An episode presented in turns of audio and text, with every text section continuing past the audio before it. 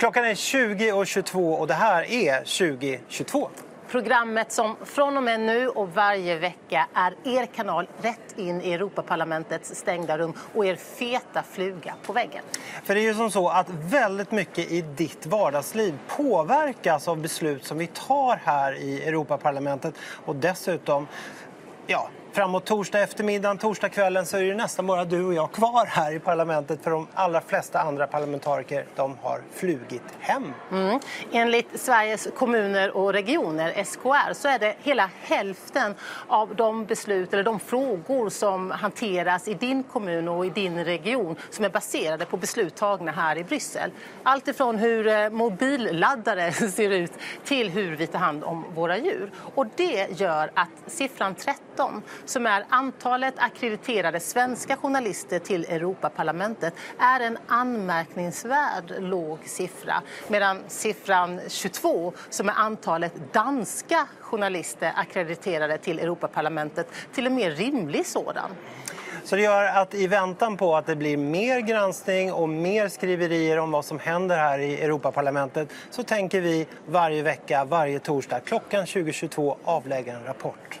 Mm. Du som tittar på 2022s 10 minuter, du kommer alltså veta mer om det som faktiskt påverkar ditt liv än vad som nämns i de vanliga nyhetssändningarna. Vi kommer bjuda in gäster och vi kommer att ha en hel del att säga om den svenska inrikespolitiken. Nu kör vi igång.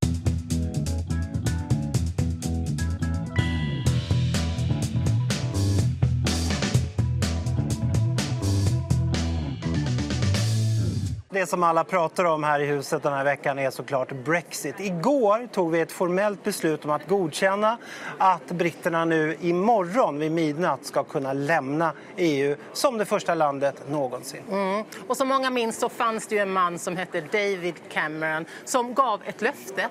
Han var premiärminister och gav ett löfte om en folkomröstning. Hans dröm var att de brittiska konservativa en gång för alla skulle ta ett beslut om att EU var något bra. Och det gick ju sådär. Ja, det gick sådär. Den 23 juni 2016 så hölls folkomröstningen och hela 51,89 procent av de röstberättigade röstade för att lämna EU. Och efter det så lämnade David Cameron också ledarskapet och lämnade landet i, i ett slags politiskt kaos som kulminerar nu i och med att Brexit faktiskt händer. Mm. David Cameron har ju, liksom, han är ohotad i huvudrollen bakom det största misslyckandet i EUs historia. Och här i huset är det många mötesrum som döps efter stora politiker i Europas historia. Anna Lind har till exempel ett stort rum som jag ofta är i.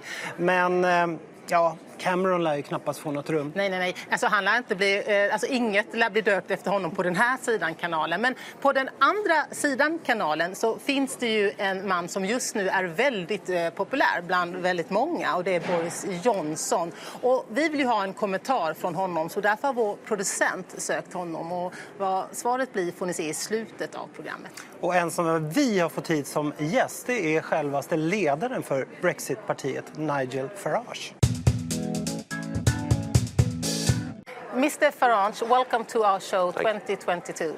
Yeah, thank you very much. As a leader for the Brexit Party, I mean, this is what you've been fighting for. Uh, how does it feel? I'm thrilled. I think it's the right thing for us to do, and I think what it will lead to is a fundamental debate in the European Union about what kind of Europe do we want. And I just want your viewers to understand one thing. I am not anti European in any way at all. I've worked for French companies, I've done business in Stockholm going mm. back to the 1990s. I married a German woman. I love Europe, mm. but this European Union, you know, where we have unelected commissioners deciding, you know, what fish we can catch, how we live but our we lives. We have some powers too, we parliamentarians. We but, have some powers, uh, but, let, but let's just be clear about this, all right? The European Commission have the sole right to propose legislation, mm. and our job is to interpret that legislation, yes. and that's the wrong way round. But you are, as you said uh, and explained, uh, the winner. You have reached your political goal. Yeah. Uh, and we are so sad, and you are so happy. We, we and our friends have been fighting hard to win, but we, we lost. So, what would you say uh, is, the, is the main key for, for us fighters to bring back to us on how to win common fights when it comes to your experience from the Brexit? Brexit happened because David Cameron in 2015 and 16 came to Brussels and said, the British people want a change. The British people want more autonomy. The British people want a degree of control over her borders in terms of who can come and live and work and settle in our country. And you know something? The European Commission, the European negotiators did not give us a single centimetre. So you, so you are saying if we would have given you more centimeters, maybe this wouldn't happen? Oh yes. Oh So- yeah. so oh, the oh, lesson- uh, uh, you know, had had the negotiators given Cameron something, Hmm. a piece of red meat that he, that he could have brought back to the electorate, he would have won the referendum. I would have lost the referendum. But what you're dealing with here, what you're dealing with here, are a set of institutions that are now committed to building a United States of Europe, committed to building an empire. They want to expand, they want an army, they want an air force, they want a navy. There are no limits to their ambitions, and they couldn't care less. About, about, about companies in Europe, about individuals in Europe. And, and this, I think, is the key. Hmm? They are intransigent in every way. To them, the European project is like a religion. And I think, and I'm, I'm, I'm going to make this prediction. Two years down the line, when the UK has reached a sensible accommodation on trade and, and, and reciprocity of citizen rights and all those things that we'll do, I think you in Sweden and other countries elsewhere will have a debate and say, what kind of Europe do we want? Do we want a Europe of friendship, a Europe where we're very close together, or do we want a Europe where the institutions of Brussels are in charge? And, and, and I'm hoping we can transform Europe by doing this. And I'm hoping so too, because we have a lot of, to learn of what the, now is happening, which is a fact uh, that you are leaving us, and Yeah. we are so sad. And we are also, many of us, fighting for that Europe can be, and the EU can be But we're not leaving strong. you. We're not. But we No, are no, no, feeling that you are leaving the European Union. Yes, yes, yes. yes. We love Europe. We hate the European Yeah. Union. I mean, they're two Uh, different but, things. But I love Europe and the Union. But, of Well- course, but I think we have lessons to learn. Once and you this- spend a couple more years here, you might Yeah, change your I, mind. I will. I will call you again. We'll see about that prediction uh, around 2022, Yes. in Yeah, other yeah, words. yeah. But uh, finally, how will you celebrate this? So, 11 o'clock UK time, this Friday, the 31st of January, 2020, I will be in Parliament Square, you know, which is the sort of one of the big iconic images of the United Kingdom. We're going to have a big crowd of 50,000 people. We're going to have some singing. We're going to have a bit of music. We're going to have a few speeches. And so I'll, I'll be out there praying that it doesn't rain. Um, so, yeah, it'll be a big street party celebration. And I'll tell you what we're really celebrating. We're celebrating the fact that despite the entire establishment opposing Brexit, the will of the people prevailed. And it says that democracy is a very powerful thing.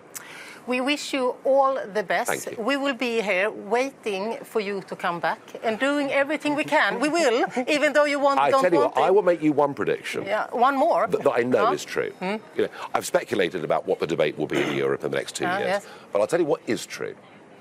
11 o'clock this Friday is the point of no return. You think so? Once we've gone, we're never coming back. Not to this. Okay. Uh, anyway, I, I wish uh, you wouldn't uh, have that prediction, but you have. Uh, I, I will fight for the future to be something else. But thank you and have uh, a And good thank you. time. Thank, you you very much Thank for you guesting our show. Thank you. Ja, Brexit kommer såklart få stora konsekvenser politiskt för både Sverige och EU.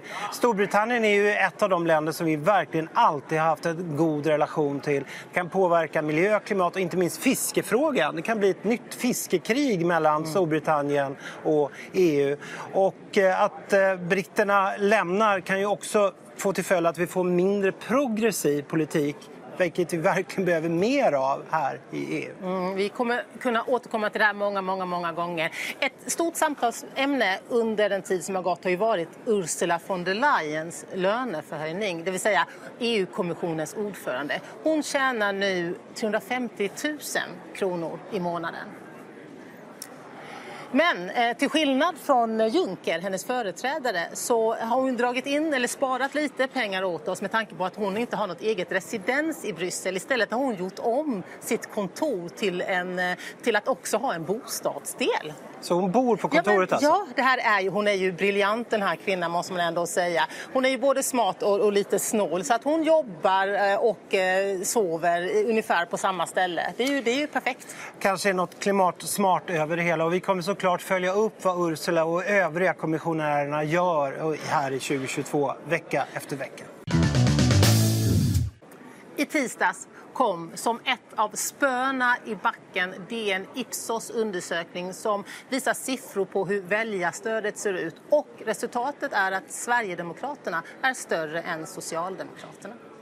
Och Moderaternas siffror är nu lika låga som under Anna Kinberg Batras tid. Och för Socialdemokraterna så är siffrorna lägre till och med än under Juholts korta tid som ledare. Mm, och det är tydligt att det inte är Moderaterna och Ulf Kristersson som leder oppositionen. Och det man också kan se av siffrorna är att det går inte speciellt bra för de partier som härmar efter Sverigedemokraternas politik och retorik.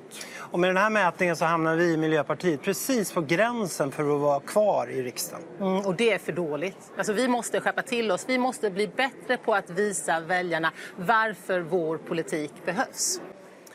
Nu till någonting helt annat. Och veckans värsta väder i världen landar i det här premiäravsnittet av 2022 hemma i Sverige. För vi har haft en helt extremt mild, eller för att inte säga varm, inledning på året. Här i södra och mellersta Norrland så ligger temperaturöverskotten för de fyra första veckorna på storleksordningen 10 grader över det normala. Och det är drygt 5 grader över det normala också längst ner i söder. Visserligen kommer det ner lite kallare luft nu över norra delen av landet i slutet av januari. Men den här månaden lär ändå gå till historien som en av de varmaste, kanske till och med den varmaste januari månad som har uppmätts än så länge. Och går vi in på SMHIs hemsida så kan vi jämföra med januari månaderna under de senaste åren. Och visst, som ni ser, vissa av de månaderna är också ganska rejält rödfärgade, alltså varmare än normalt. Men ingen kommer riktigt upp i nivå med 2020. Och det här blir såklart bara vanligare och vanligare i takt med att klimatförändringarna rullar på. Vintrarna blir mildare, varmare och också snöfattigare. Jag måste säga att som tidigare Vasaloppsåkare så är det här extremt oroande.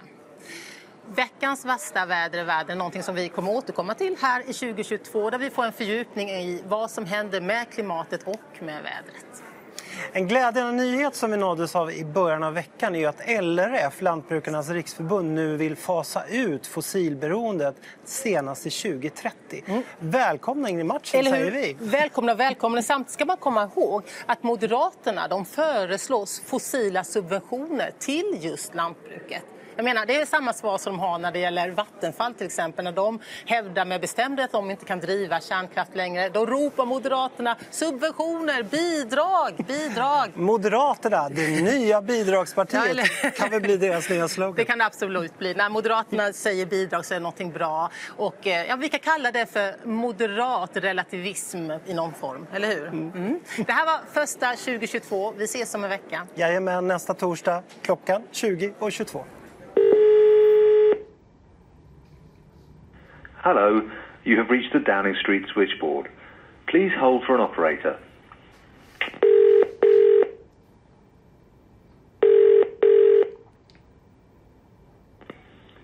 Good afternoon, Downing Street. Good afternoon. I'm calling from the talk show 2022 and I wish to speak with Boris Johnson, please. Right, okay. I'll put you through to our press office. That would be great. Thank you. No problem.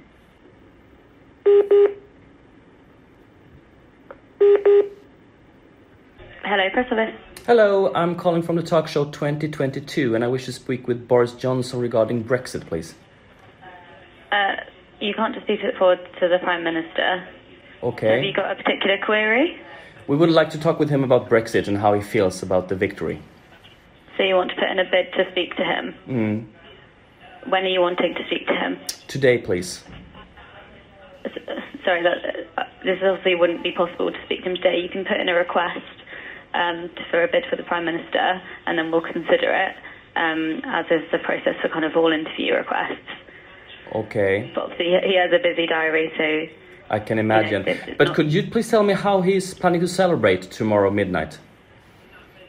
Um, so so the Prime Minister is uh, hosting um, a reception uh, in the evening, um, which I think has been kind of set out before. What questions did you want to put to him? R- really regarding his how he will celebrate and, and his plan for it and how he feels about the, the fact that Brexit is finally happening.